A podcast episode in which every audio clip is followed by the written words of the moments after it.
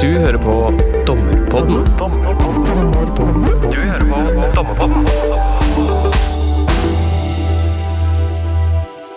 Velkommen til denne utgaven av Dommerpodden. Mitt navn er Ragnar Lindefjell. Jeg er til daglig dommer i Oslo tingrett. Eh, Her i Dommerpodden så er vi ofte på veldig praktiske temaer om det daglige eh, dommerhåndverket. Eh, I dag er ikke en sånn dag. I dag skal vi svinge oss i litt eh, mer prinsipielle og høyere luftlag. eh, Om dagens tema, som er ytringsfrihet, og kanskje nærmere bestemt dommernes plass i den offentlige samtalen. Har vi en sånn plass, og i så fall, hvordan bør en sånn plass være?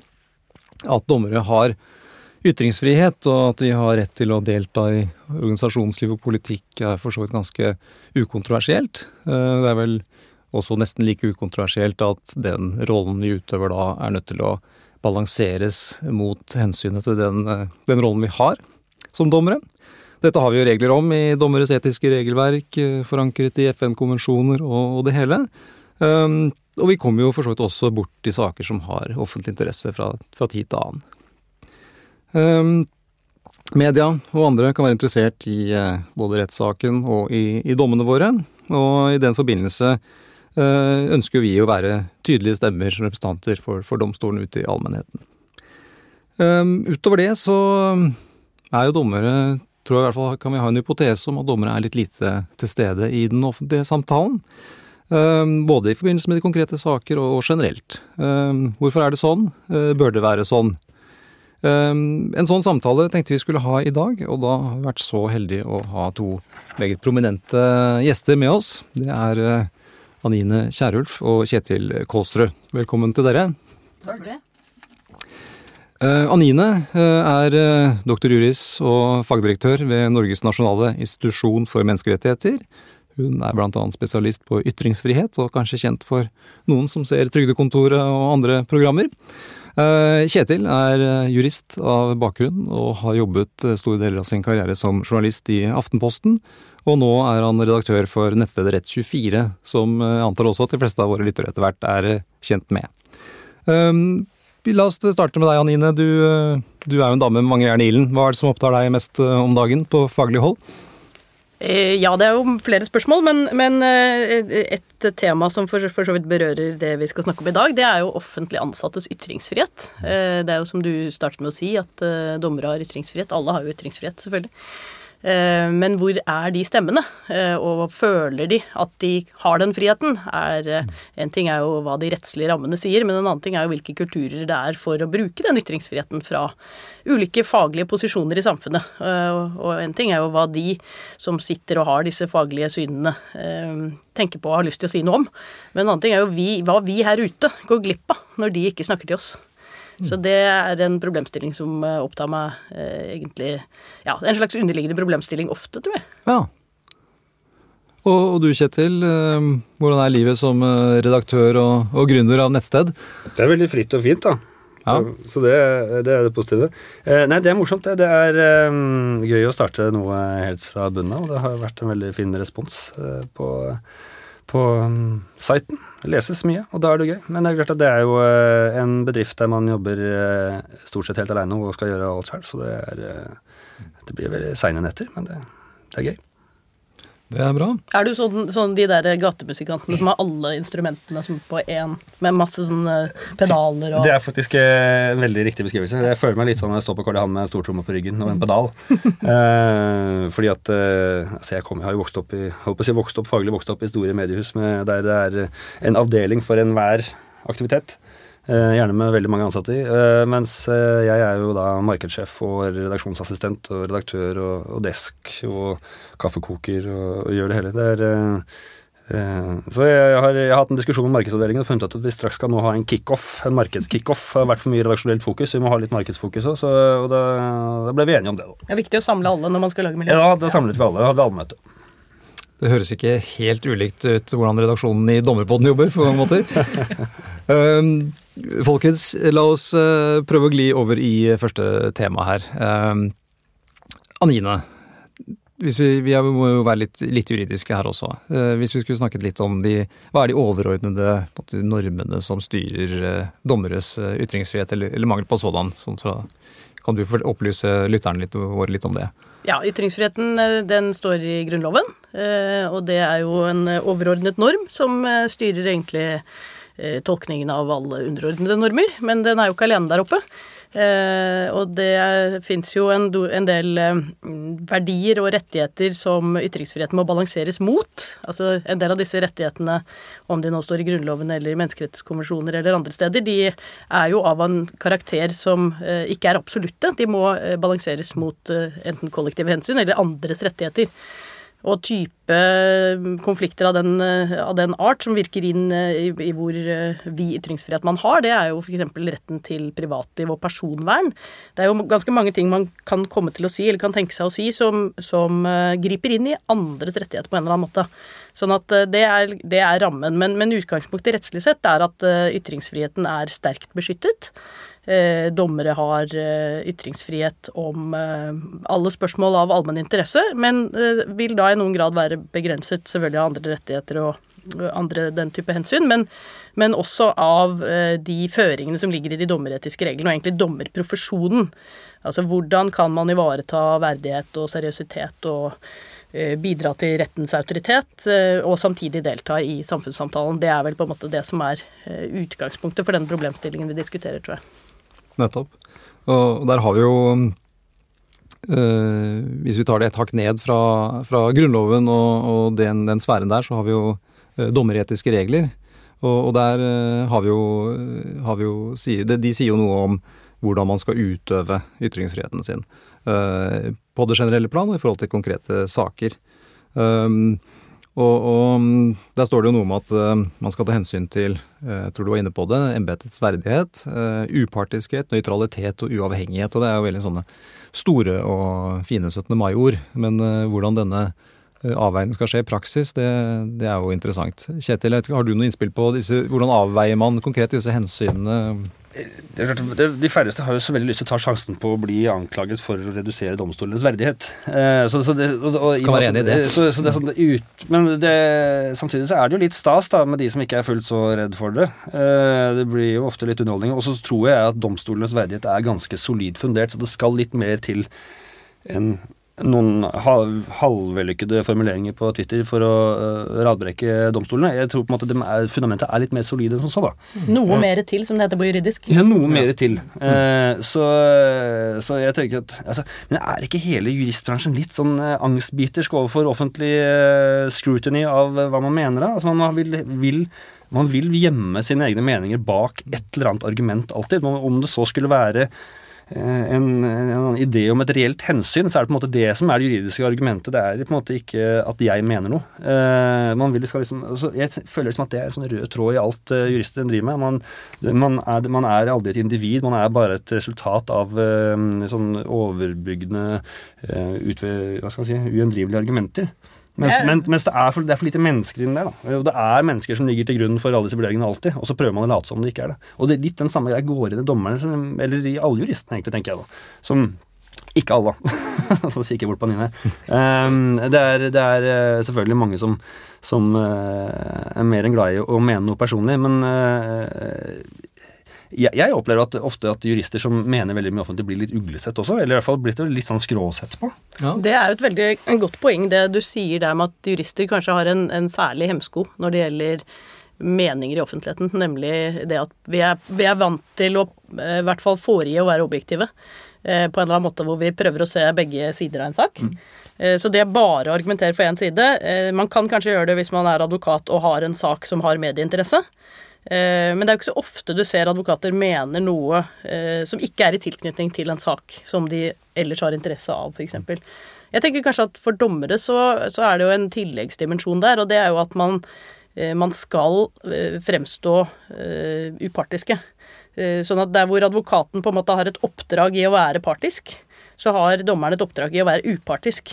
Så det gjør det enda vanskeligere egentlig å gå ut med de sterke personlige meningene i saker som, eh, som også har en rettslig side, da.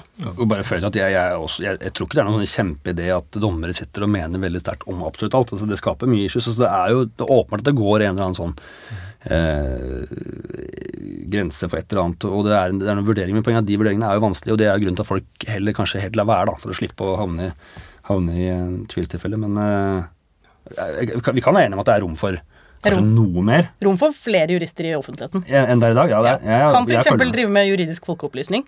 Det er jo enkelte som føler at det trengs. Ja. ja. Det er kanskje greit at du etter hvert får litt selskap, Anine.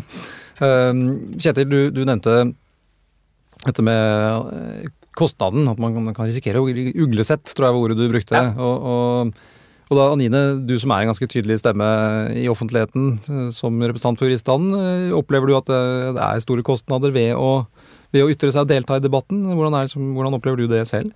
Det er alltid noen kostnader, tror jeg, med å, å mene noe offentlig. For det er alltid noen som vil være uenig. Eh, jeg opplever vel at den rollen jeg har ofte hatt i det offentlige, er en ganske takknemlig rolle. For den handler om å forklare hvordan rettsreglene er. Eh, og jeg kan nettopp ta den posisjonen som Kjetil snakket om i sted. Jeg trenger ikke å si hva jeg mener om det. Eh, av og til har jeg ikke så veldig sterke meninger om det heller. Eller ofte har jeg egentlig ikke det. Eh, men det å, å, tydeliggjøre hva som er Hvorfor ble den dommen slik? Hva er det som gjør at Menneskerettighetsdomstolen sier sånn? Hvordan er det egentlig med ytringsfriheten for islamister og nazister?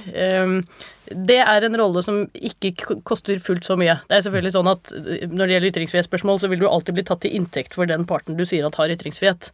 Men fordelen med det når det gjelder akkurat ytringsfrihet også, det er at du plutselig er på ytre venstre, og så er du plutselig på ytre høyre. Sånn at eh, jo oftere du får de eh, beskyldningene fra de sidene, jo mer blir det en slags sånn balanse av det, som, som nøytraliserer seg selv. Litt sånn som det var i Aftenposten, for vi hver eneste dag ble anklaget for å være enten eh, venstrevridde sosialistjournalister eller høyrevridde.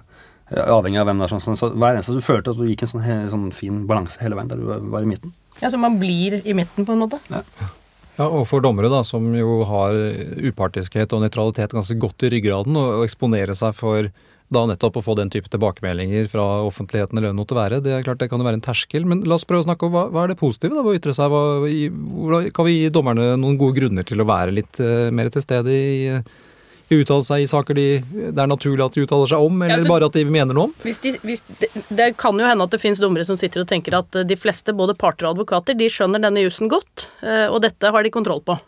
Men de som ikke gjør det, de kunne jo tenke at det kanskje kunne være nyttig at de bidro til den folkeopplysningen av og til. Eh, særlig hvis de har eh, saker av en type hvor det veldig ofte er misforståelser. Ja, ja, hva med å gå ut skrive et leserinnlegg om det, da? Dette, sånn er jussen. Vi skjønner at mange egentlig tenker at den er sånn, men det er den ikke.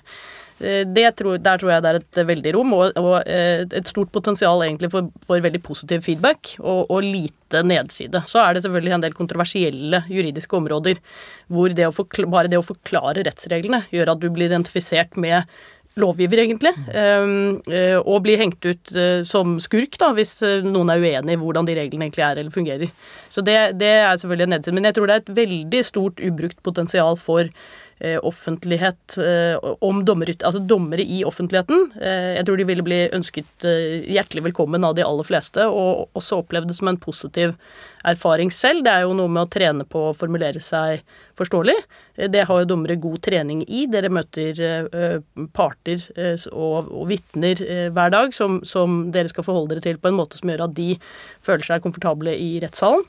Eh, sånn at det å bruke den både autoriteten dere har, og den kompetansen dere har, eh, både juridisk og snakke til mange typer mennesker ut i et eh, enda større rom enn rettssalen, det tror jeg hadde vært veldig positivt. Mm. For å ta et litt kanskje kontroversielt tema, som dere, dere muligens har reflektert litt over, dette med å dommere som uttaler seg generelt om straffenivå, f.eks.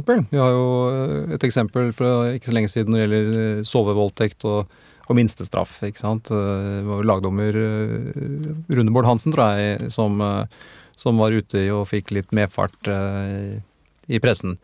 Hva, hva, tror du den type erfaringer, hvordan spiller det inn på, på ytringsklima for dommere generelt? Har dere noen refleksjoner om det?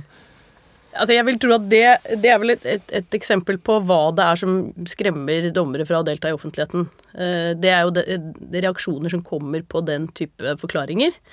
Eh, da handler det jo både noe om å forklare si, hvilken rolle man har som ikke skyt pianisten eh, her, men, men kanskje også å ikke overvurdere hvor langt inni de juridiske spørsmålene en del av publikum er. For det er en ganske lang vei frem til problemet med minstestraffer. Altså, du må kunne ganske mye om norsk eh, strafferettstenkning Eh, for å skjønne hva problemet med minstestraffer egentlig er. ikke sant? Så da må man, på samme måte som når du starter med å skrive fakkoppgaver, ikke sant? Eh, skriv som mor forstår. Du må, lede, du må lede folk inn i stoffet. Folk flest er jo eh, like smarte som alle andre. Eh, men de har jo ikke erfaring med akkurat denne type spørsmål, så må bare begynne fra starten. Og er det er det i det hele tatt eh, mulig, Kjetil, å få til et sånt, den type resonnementer inn i en tabloid hverdag? Om det nå er, hvis man da skulle i Rett24 eller et annet medium? Eh, altså, Rett24 forutsetter jo som regel at leseren er jurist. Da. Så, ja. sånn sett, ja, okay, det var et dårlig eksempel. Men, eh, men jeg, har jo som sagt Nei, det er ikke så lett. Eh, og det å formulere en avansert problemstilling så du kan få det inn eh, i en ordinær på en måte, nyhetssammenheng altså Det er jo for så vidt ikke noen nyheter så veldig mange som skriver om sånne ting uansett. Så. Men, eh, men, det du er inne på her, er jo dette debattklimaet. Uh, og det er jo litt sentralt, for uh, det har vært mye snakka uh, i de siste ukene på, om, om, at det debattklimaet er blitt så hardt på Twitter, blant annet, har vært diskutert. men det er jo et faktum at det er ganske røft å delta i den offentlige debatten kan være. du må ha litt tykk hud. Uh, ofte. Og det kan man, kan man spørre seg hvorfor skal man utsette seg for det, da. For eksempel, du husker den saken med han, med han lagdommeren i Agder som, som, uttalte seg om disse sovevoldtektene, og uh, fikk jo blant annet høre fra folkevalgte blant annet, at han uh, sånne ikke var skikket til å være dommer og uh, sånne ting. Så, så da, da, da, da, blir man Men de er skikket til å være folkevalgte med det synet? Ja. det er, hvis, det, den terskelen ligger ikke så høyt, da. nå, nå. um, men um, så, jeg tenker alle jurister da kunne kanskje øve seg på å være litt rausere med folk som eventuelt sier noe som er litt dumt, for det hender man man gjør. Altså Hvis man skal plapre mye, så kommer man fort til skade for å si noe som kanskje ikke er helt sånn spot on hver gang. Det er, det er en mulighet. Uh, og, og, jurister har jo også det er jo også en viss sånn schadenfreude i fagmiljøet for folk som uh, tråkker litt feil. Jeg ser jo det på lesertallene sakene mine hvis de handler om noen som har gjort en bommert er de veldig gode med en gang. Uh, det er det helt, jeg vet at hvis det, hvis det er en annen eh, dom som er oppheva på et eller annet liksom, sånn, her, er vært, her, er det noen som har pølsa det til, så, så vet jeg at denne kommer til å bli klikka noe fryktelig. Det er jussen se og høre, liksom. Ja, ikke sant? For vi, jurister er også mennesker, det er langt der inne et sted. Uh, så Nå, nå ja. men, men denne lille rausheten i debatten, altså, hvis, hvis jurister, skal, jurister, og dommere har lyst til å bidra til, til å få jurister med i debatten, så kunne man kanskje i hvert fall bidra til å øh, være på en måte litt sånn at, å gi folk lavere skuldre da, på å ikke være helt sånn spot on hver gang. For, for, denne tesen om at uh, debattklimaet har blitt så mye mer polarisert, uh, og at det er grusomt å være der ute og delta, er, det, er vi er alle enige om at det er faktisk Er det en riktig virkelighetsbeskrivelse nødvendigvis, eller? Deler av offentligheten er absolutt polarisert og mm. ganske ubehagelig å være i. Uh, men om det er altså, Og jeg tror nok den tendensen til polarisering og, og sånn tolke hverandre i verste mening, bare se på det som var gærent, og ikke prøve å skjønne noe av det som var bra i det de andre sa den, den, tror jeg nok forsterkes av måten internett og disse algoritmene i de sosiale mediene som fungerer på, dessverre. Så det, det, er, det tror jeg er en helt reell tendens. Men, men, hvis du ser på den norske samtalen, så har jo den både når det gjelder kraftsalver og polarisering, vært, vært ganske utsatt for det gjennom historien. Altså Se på, se på avisinnleggene fra 1800-tallet, stumpeferden i Morgenbladet mellom Welhavn og Wergeland. Altså det, det, gikk jo mye varmere i, i avisspaltene enn det det har gjort uh, senere noen gang. Uh, polarisering, se på målsaken, EU-spørsmålet, uh, by og land. Det er jo en rekke emner, ulv, som, som er egnet til å fyre veldig, veldig opp i det norske folkesjelen og, og gjøre at de fleste regler for uh, saklig samtale blir kastet ut, ja. Det, det, er, for vidt, det er jeg selvfølgelig helt enig i, men det er klart at når, når Bjørnson og Welhaven krangler, så foregår det jo med en viss dannelse likevel, da. Eh, ja, men Det var bare fordi de, de hadde ordet i sin makt, ikke sant? Ja da, men, men det som er den store, store, store forskjellen de siste ti årene, er at så spoler tilbake ti år, eh, så definerte eh, vi som da jobbet eh, i de store mediehusene, hvem som fikk lov å delta i den offentlige debatten. 100% Hvis du ikke gikk via Aftenposten, VG, Dagbladet, NRK, et eller annet sånt, så var du ikke med i den offentlige debatten. Det, det, er jo selvfølgelig fullstendig borte, og nå er det fritt fram for enhver å delta i den offentlige debatten, og da har du et betydelig større mangfold av stemmer. Det er det ingen tvil om. Og heller ikke noe filter. Og, og det har medført at man blir utsatt for, for offentlig ytring i dag som er mye, mye hardere enn det du ville blitt for ti år siden, fordi at det, er, hvem som helst kan si hva som helst om hvem som helst uh, på et sekund. Ja, så er det, det er jo mye slagg, og så altså mye sånn egentlig veldig dårlig bruk av ytringsfriheten, da, som bare hat og hets og ja, sånn. Og det var jo før filtrert fullstendig bort ja, i, på du, deskene i mediehusene. Ja, og så er det i tillegg det problemet som ligger i at det man tidligere sa muntlig, som ble borte, fordi man bare sa det, og så ble det borte. Det sier man nå skriftlig. Eh, uten egentlig å tenke over permanensen i det, og, og, uten å tenke på spredningspotensialet og hvordan det blir spredd utenfor kontekst. For når vi snakker om ytringer, så, eh, så må, eh, Ytringer er måte formidling av meningsinnhold på en eller annen måte i ord eller fakter eller et eller annet. Eh, og det er jo veldig eh, avhengig av omstendighetene rundt fremsettelsen av den ytringen, hvordan vi forstår den. Hvis den er sagt liksom med et ironisk glimt i øyet, så blir den veldig annerledes enn hvis den står på trykk som en sånn faktisk påstand. Eh, det gjør jo også at det å ytre seg i dag er eh, utsatt for et større potensial for misforståelser. Det kan jo skremme folk fra å delta i den offentlige samtalen. Men jeg tror, hvis vi bare tar et steg tilbake, så tror jeg jo ikke at man skal la seg skremme så mye av det. For det er fullt mulig å delta med veldig saklige ytringer, f.eks. i redigerte medier. Eh, det er jo også mulig å delta i sosiale medier for dommere. Er, for, det er lov. Ja, det si det med, vi har til og med noen eksempler på eh, kolleger som gjør det. Og noen, gjør det, noen gjør det primært for å opplyse om uh, dommerrelevante ting, eller rettsstatsproblematikk fra Europa f.eks. Uh, andre gjør både det og kommenterer masse av den, uh, den, pågående offentlige samtale. Og det siste også er det faktisk fullt mulig å gjøre, men da må du ha en litt større offentlighetsforståelse. Uh, hva, hvilken type ironi blir fanget opp, hvilken blir ikke det og lett misforstått. Ironi bør man styre unna funker ikke på internett. Jeg har sånn generell disclaimer jeg på Facebook. Mm. Generelt ironivarsel alltid. Um, hvis vi ser litt på, på uh, mer politiske ytringer, uh, den type ting, um, så, så vel, har vel dommere som regel nokså høy terskel for å ytre seg om det, og man, man, er jo nødt til å vokte seg litt vel for uh, for å nærme seg ytterfløyene både på, på høyre og venstre side, eh, eventuelt.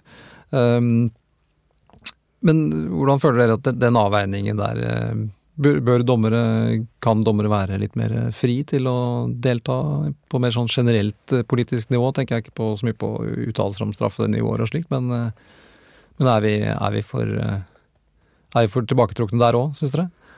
Ja, jeg syns jo det, og det er jo en rekke tema hvis vi bare tar det, det rent faglige først, da, hvor mm. dommere sitter på en særskilt kompetanse som vi her ute i samfunnet gjerne skulle hørt mer av. Mm. Um, det er jo en rekke tema hvor dommere kunne bidra til å opplyse en debatt som for så vidt er politisk på den måten at et parti uh, mener at en løsning som du på faglig grunnlag mener er dårlig, uten at du nødvendigvis er for eller mot det partiet. Den type politiske ytringer, som egentlig er faglige ytringer, men som har en politisk slagside, den mener jeg det er veldig viktig at dommere bidrar til. Eh, når det gjelder rene politiske spørsmål, altså, som ikke har så mye med jus å gjøre, hvilke verdivalg man gjør innenfor de juridiske rammene som fins, eh, så er jo det også helt klart innenfor dommeres ytringsfrihet. Men da risikerer man oftere, tror jeg, å komme i en situasjon hvor ens upartiskhet kan bli trukket i tvil i saker. Det kommer litt an på hva slags saker man vanligvis jobber med. Hvis man har mange, eh, mange saker som måte, grenser opp mot det området man uttaler seg om, så har man kanskje særlig stor faglig ekspertise, men da har man også en risiko, hvis de er veldig politisert, eh, for å sette upartiskheten sin i tvil. Og så har man selvfølgelig det spørsmålet om å bruke dommertittelen som en sånn øh, Autoritet. Ja, Markør? ja, nettopp, ja, i, I saker som ikke har noe som helst altså, Hvis du da bor på, i en uh, eplehagevilla på Grefsen og er sterk motstander av uh, eplehageutbygging, og, og har et flammende innlegg om, uh, om hvor dumt det er å signere uh, tingrettsdommer Hagesen, så, så, så, kan man jo stille spørsmål om det er en riktig måte å bruke å være offentlig dommer i, Bruk av offentlig dommerrollen, da, for å si det sånn. Ja, og da er man vel inne på kanskje mer sånn personlige interesser, eh, økonomiske f.eks., som jo eh, Da bør man kanskje være litt forsiktig med å bruke ja, dommertittelen, eller, eller advokattittelen for den saks skyld. Ja, eller professortittelen. Ikke minst, ja. Um, Selv om det er jo ganske vanlig da, å signere med Det er så mange eksempler på det, at man bruker ja. titler på ting som vi kanskje ikke har så mye med. Og mange av våre, mange av våre lyttere er jo også dommere i, i, mindre domstoler, og der kan dette komme ganske på spissen, selvfølgelig. Hvis man mener mye om uh, hytteutbygging uh, i, i, bygda. Uh, og det kan man jo gjøre på helt fritt grunnlag uten at man har noe økonomisk interesse, men det kan gjøre kan jo være ganske krevende hvis man da er den ene eller to av de dommerne på, i, i, domstolen, selvfølgelig. Det, jeg tenker det er viktig å vite at man har den friheten, eh, og så er det jo opp til den enkelte å, å velge hvordan man bruker den. Eh, mitt inntrykk er at eh, det er, det er, et veldig stort ubrukt potensial for ytringer i den friheten. Det som holder oss tilbake, er ikke rettsreglene. Det er en, en, en forsiktighet som i noen grad er god, men som i for stor grad er altfor stor. Altså vi er, vi er altfor redd. Angst tror jeg vi skal oppleve. Angst, til, kanskje. Det er, det er på det nivået. Ja. Men Kjetil, du som er journalist da, øh, og driver ditt eget øh, nettsted for jurister. Øh, hva har du gjort for å forsøke å bringe dommere mer inn i den offentlige samtalen? Har du, har du gjort noe? Vil du gjøre noe?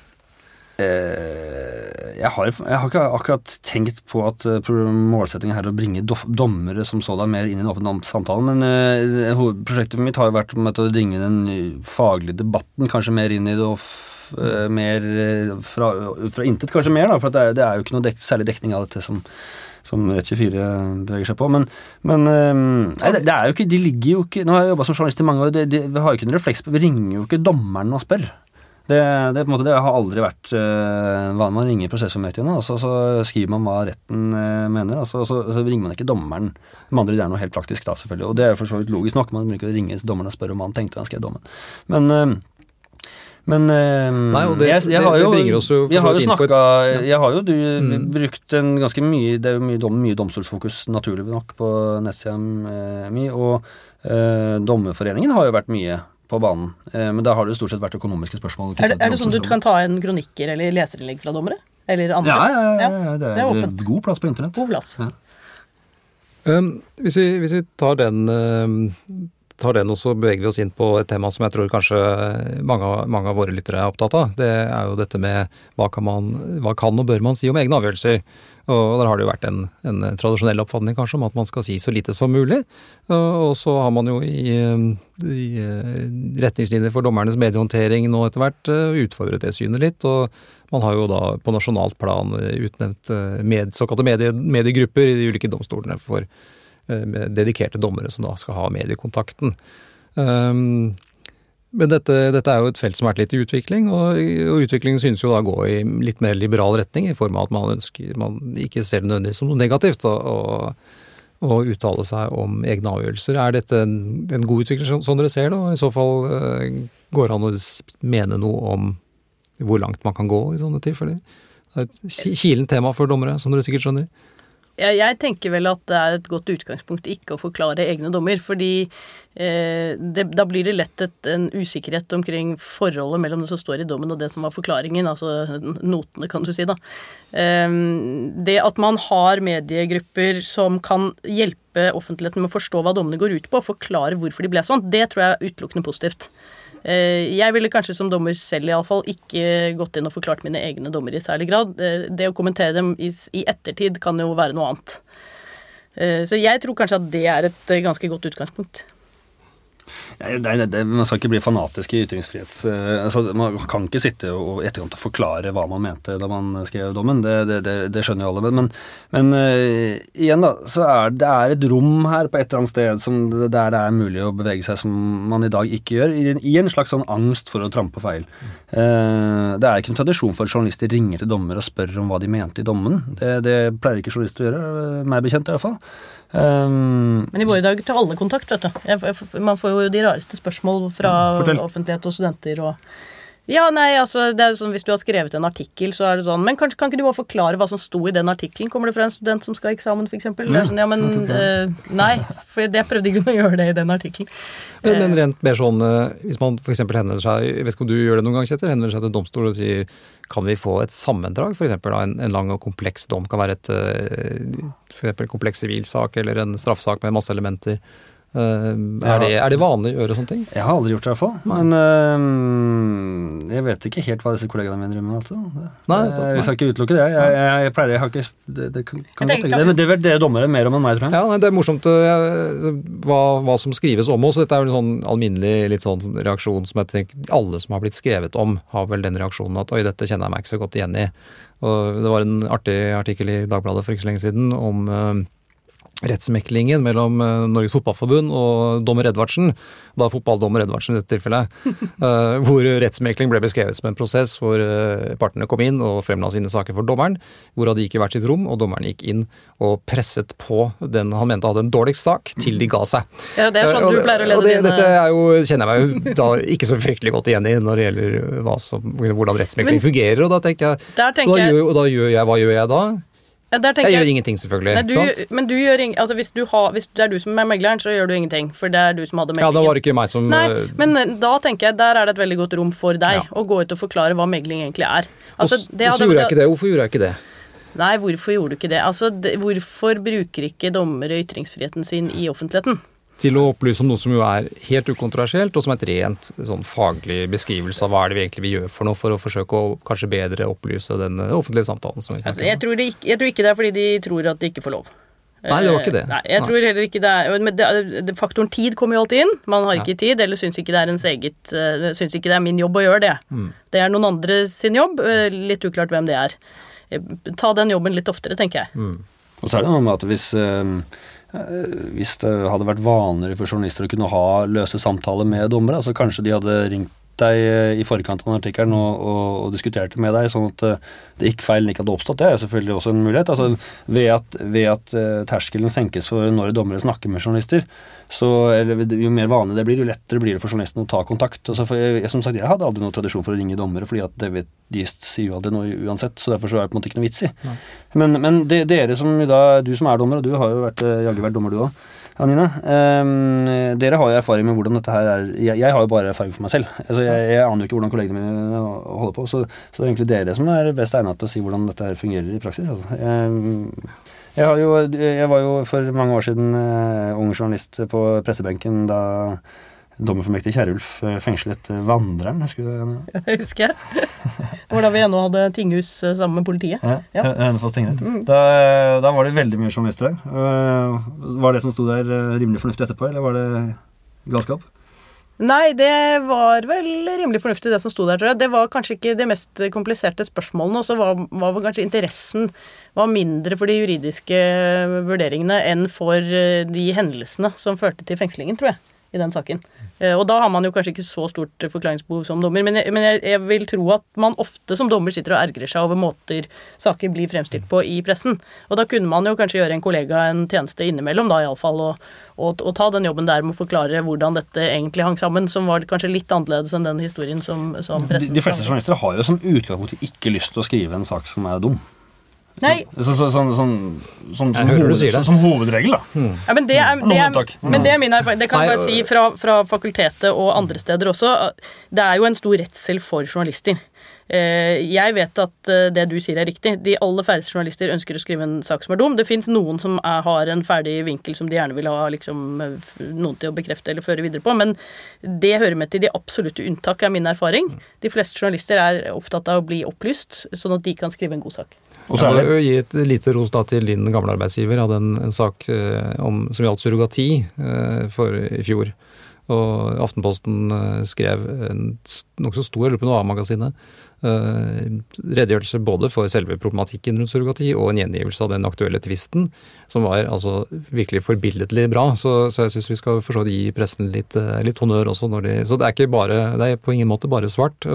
Men, men tilbake litt til disse Vi har jo nå, vi har jo nå dedikerte dommere, da, ikke sant, som eh, i Oslo tingrett og i mange tingretter rundt omkring. som jo er, er skolert og får man tro da villig til å, til å drive litt folkeopplysning når journalister tar kontakt. Så det kan jo være en, eh, en oppfordring da, til, til deg, Kjetil. Altså, vi har jo kanskje- flere som, som tar den type rolle. Kanskje en oppfordring tilbake til, eh, til eh, Dommerforeningen eller andre interesseorganisasjoner eller domstolene selv i å drive medietrening, ikke bare si, av de som er dedikerte, men, men av alle. sånn at, eh, For jeg tror den, den, det er en, en, en god del frykt eh, forbundet med tanken på å, å eksponere seg i offentligheten. Og, og den er kanskje enda større for dommere som er vant til å kontrollere eh, hele ordskiftet i rettssalen sin. Altså, det, er jo en, det er jo en kontrollert samtale, det, det måten en rettssak er lagt opp på. Eh, Så det plutselig å ikke ha den kontrollen, det føles kanskje ekstra skummelt for dommere. Så jeg tror på litt trening og litt eksponering. Det skal ikke så veldig mye erfaring til før dette ikke er så skummelt. Det, det, man ikke er vant til, er alltid skummelt. Det er liksom, eh, som journalist da, så sitter jeg, jeg for sitter da, jeg pøser ut artikler som legges ut og leses av eh, ekstremt eh, fagkompetente folk hver eneste dag. Eh, I utgangspunktet all mulig grunn til å ha litt sånn angst i morgen, eh, men det finnes ikke. Fordi at det er, blitt så bedøva av å produsere så mye over så lang tid at, at om jeg skulle tråkke feil innimellom, så, så, så fikser jeg det i etterkant, og så får det heller bare gå. For det, det, må gå fort, og det må gå uh, i et høyt tempo. Og, og da forsvinner etter hvert den derre frykten, da, som er, i utgangspunktet er naturlig å ha. Det, Jeg tror litt på også det du sa innledningsvis, for den frykten eh, kanskje større for dommere, som sagt, men, men for alle jurister. Altså, vi er vår egen verste fiende. Vi leter etter feil hos hverandre og gleder oss over å, å bore i dem. Eh, Det, av og til bør man gjøre det, fordi feilopplysning er jo ikke bra. Eh, Men det går jo an å gjøre det på en litt mer inkluderende og, og bejaende måte, tror jeg. Jeg hadde en artikkel her for en tid siden der en av de eh, får bare si aller skarpeste, flinkeste og, og dyktigste advokatene hos renseadvokaten hadde blingsa på ankefristen. Og kom en dag for seint og fikk eh, en eh, anke avvist.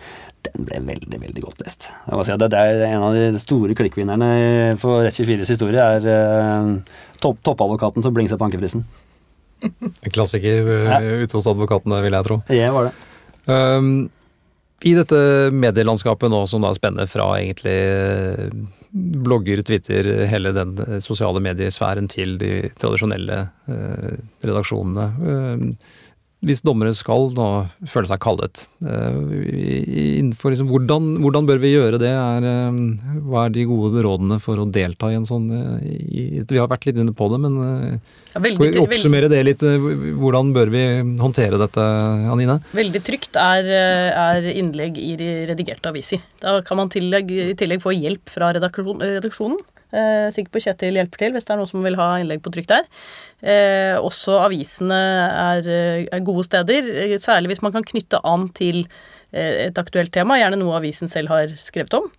Eh, Så er det sosiale medier. Det er også en ypperlig kanal for å nå raskt ut med, med gode budskap. Eh, Da har man jo en mye kortere form, eh, og også en måte å uttale, å uttrykke seg på som er litt annerledes. Så med mindre man kjenner sosiale medier lite grann, så er det kanskje ikke det det beste stedet å begynne, tror jeg. Men, men etter hvert som man blir kjent med det, også helt strålende. Så gode eksempler på dommere som deltar i sosiale medier på en både opplysende og morsom måte. Så tenker jeg også at juriststanden som sådan må være uttrykt raus eh, overfor de som faktisk da legger huet på blakka og deltar. Det er ikke for alle å delta i offentlig debatten. Det er helt overbevist om. Altså, du må ha det på en måte litt i deg og like det litt. Ellers så kom eh, eh, Det er ikke sånn at alle skal sitte og delta i ofte debatten i hvert tilfelle, men, men det, det å tørre å si noe som helst, da, om noe som helst, som det er veldig mange jurister heller ikke vil eh, det at hvis, man, hvis man bare klarer å heie lite grann da, på de som eh, tør og gidder og prøver, også om det skulle gå så galt at det blir eh, halvpresist, så, eh, så vil det bidra til et klima som, som gjør det lettere, og som gradvis kan senke terskelen litt. Og det, det tror jeg er sånn, det å få senka terskelen litt. Det er ikke sånn at alle skal begynne å mene om alt, men litt, litt mer. Og det er på en måte litt sånn kjedereaksjon, tror jeg. da, Det øyeblikket man måtte noen tør litt mer, så, er det tør, så blir det enda litt lettere for de andre, og så, og så baller det litt på seg. Det, det er helt overbevist om at den offentlige debatten som sådan hadde vært bedre hvis det var mer faglig fundert juridisk innsikt i den. Så, liksom, det er liksom litt den veien man tenker. Altså, den- ja, det, det kan jo være en, en god tenker jeg, avsluttende oppfordring fra din side, Kjetil. Det er klart at en, en ekspertvelde får ikke akkurat mer eh, troverdighet og respekt opp igjennom eh, nå. Vi, det skal føles helst ganske mye. Eh, Anine Tenker du noe avsluttende rundt, eh, rundt Bevinget dette? avslutning. Bevinget ja. avslutning Eh, Vi startet jo med Grunnloven paragraf 100, som, Ja. som sier noe om hva staten ikke kan gripe inn i ytringsfriheten din. Den sier noe helt til slutt om hva staten bør gjøre for ytringsfriheten. Det påligger statens myndigheter å legge til rette for en åpen og opplyst offentlig samtale. Eh, Det er et ansvar vi alle kan føle litt mer på. Det hørtes ut som en eh, god like oppfordring til slutt. like Ikke så. Kjetil ytrer seg likeså. Det er, eh, bidrar ikke til polarisering av, av debatten der. Uh, Anine, Kjetil, eh, tusen takk for at dere tok dere tid til å opplyse og informere og til dels underholde våre dommerkolleger rundt i det ganske land. Uh, Tusen takk for samtalen. I like måte. Takk. Du har hørt på Dommerpodden. Dommerpodden er en podkast fra Norges domstoler, og er først og fremst ment som et kompetansetiltak for dommerne. Foreløpig er dette et eh, prøveprosjekt, og vi som lager podkasten er interessert i å høre hva du syns. Hvis du har ris, ros eller forslag til temaer eller folk vi kan prate med, så blir vi glad for å høre fra deg. Send en mail til podkast at domstol.no og gi oss en mulighet til å bli bedre. Ha en god dømmende hverdag så lenge. Vi høres.